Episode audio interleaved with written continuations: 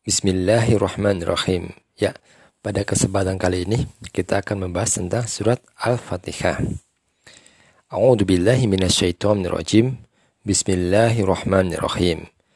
Dengan menyebut asma Allah yang Maha Pemurah lagi Maha Penyayang.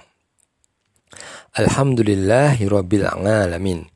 Segala puji bagi Allah, Rabb semesta alam. Ar-Rahmanir-Rahim Maha pemurah lagi maha penyayang. Malik yaumiddin yang menguasai hari pembalasan. Iya kana budu wa iya nasta'in. Hanya kepadamu kami beribadah dan hanya kepadamu kami memohon pertolongan. Kepadamu itu kepada Allah Subhanahu wa taala. Ihdinas siratal mustaqim. Tunjukkanlah kami kepada jalan yang lurus. Siratal ladzina an'amta 'alaihim ghairil maghdubi 'alaihim walabdallin. Yaitu jalan orang-orang yang telah engkau anugerahkan nikmat kepada mereka. Bukan jalan mereka yang dimurkai dan bukan pula jalan mereka yang sesat. Nah, apa makna dari nama Al-Fatihah itu? Begini, Surat ini disebut Al-Fatihah atau pembuka, yang maknanya adalah pembuka kitab secara tertulis. Dengan surat inilah dibukanya bacaan dalam sholat.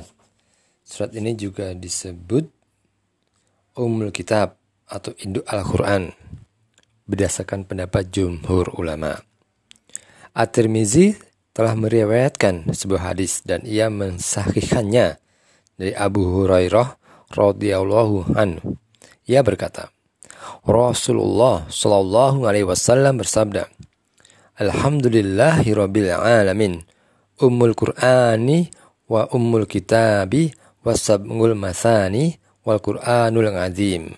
Artinya, Alhamdulillahirabbil alamin adalah ummul Qur'an, ummul kitab dan as-sab'ul masani atau tujuh ayat yang dibaca berulang-ulang dan Al-Quranul Azim.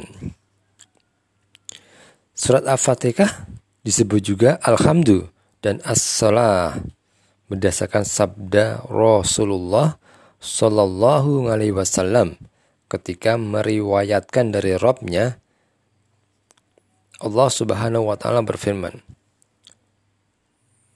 A'udzu billahi minasyaitonir rajim Qasamtu salata baini wa baina ngabdi nisfaini faida qala al-abdu alhamdulillahi rabbil alamin.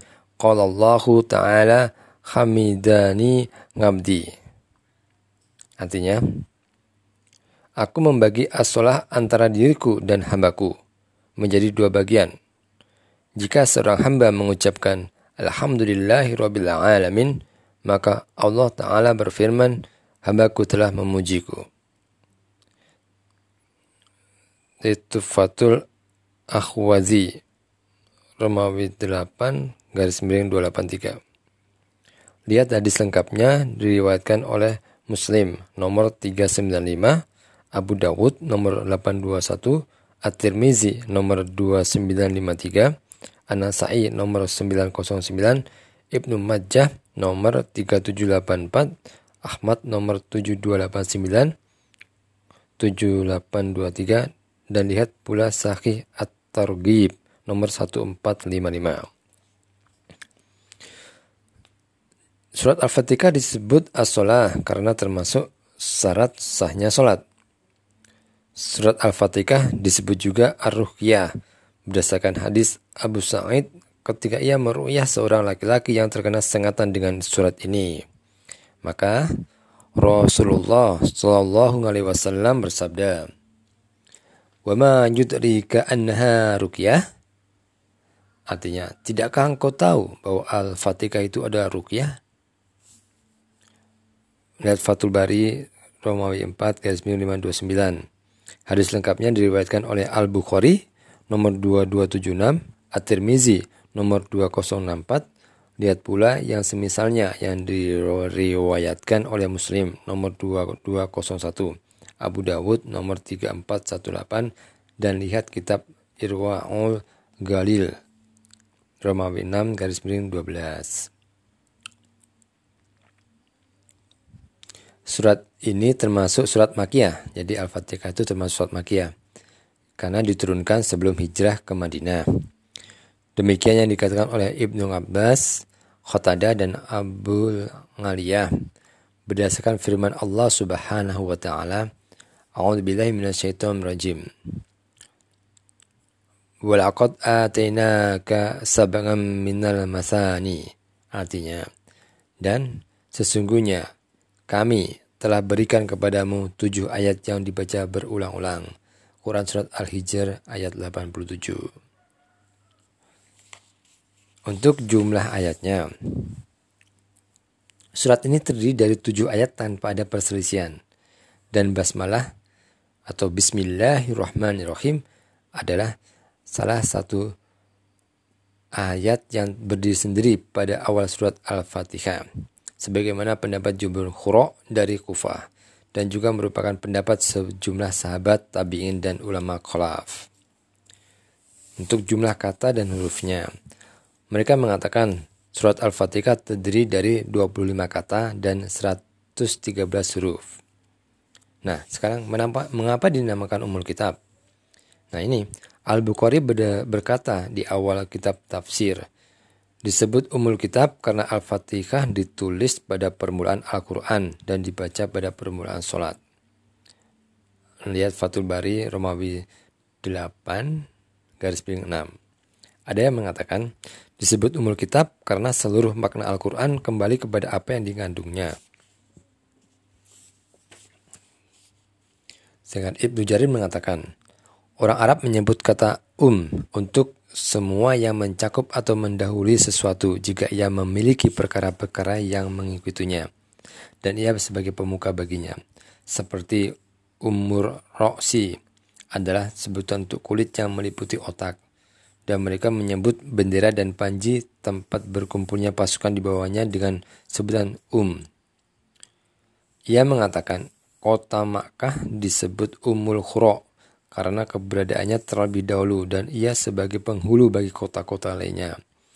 Ada yang mengatakan disebut Umul Khura karena bumi terbentang darinya. Tafsir At-Tabari Kromawi 1 garis 107. Imam Ahmad meriwayatkan dari Abu Hurairah radhiyallahu an dari Nabi Shallallahu alaihi wasallam bahwa beliau berkata tentang Umul Quran. Ya Umul Qurani wahya Ya umul Qur'ani wa mengul masani wa Qur'anul ngazim. Artinya dia adalah umul dia adalah umul Qur'an. Dia adalah as-sab'ul masani dan dia adalah Qur'anul ngazim. Hadis riwayat Ahmad Romawi 2 garis miring 448. Abu Ja'far Muhammad bin Jarir At-Tabari meriwayatkan dari Abu Hurairah radhiyallahu anhu dari Rasulullah Shallallahu Alaihi Wasallam beliau bersabda, Ya umul Qur'ani wa hiya fatihatul kitabi wa hiya sab'ul masani. Artinya, ia adalah umul Qur'an. Ia adalah fatihatul kitab dan ia adalah as-sab'ul masani. Tafsir atau bari Romawi 1 garis 107. Baiklah sobat. Uh, sementara pembahasan tentang Al-Fatihah. Eh, kita cukupkan sekian, nanti kita sambung kepada podcast berikutnya insya Allah. Oke. Salam hangat dari Ruang Halal. Platform ekonomi halal dari Indonesia. Terima kasih. Assalamualaikum warahmatullahi wabarakatuh.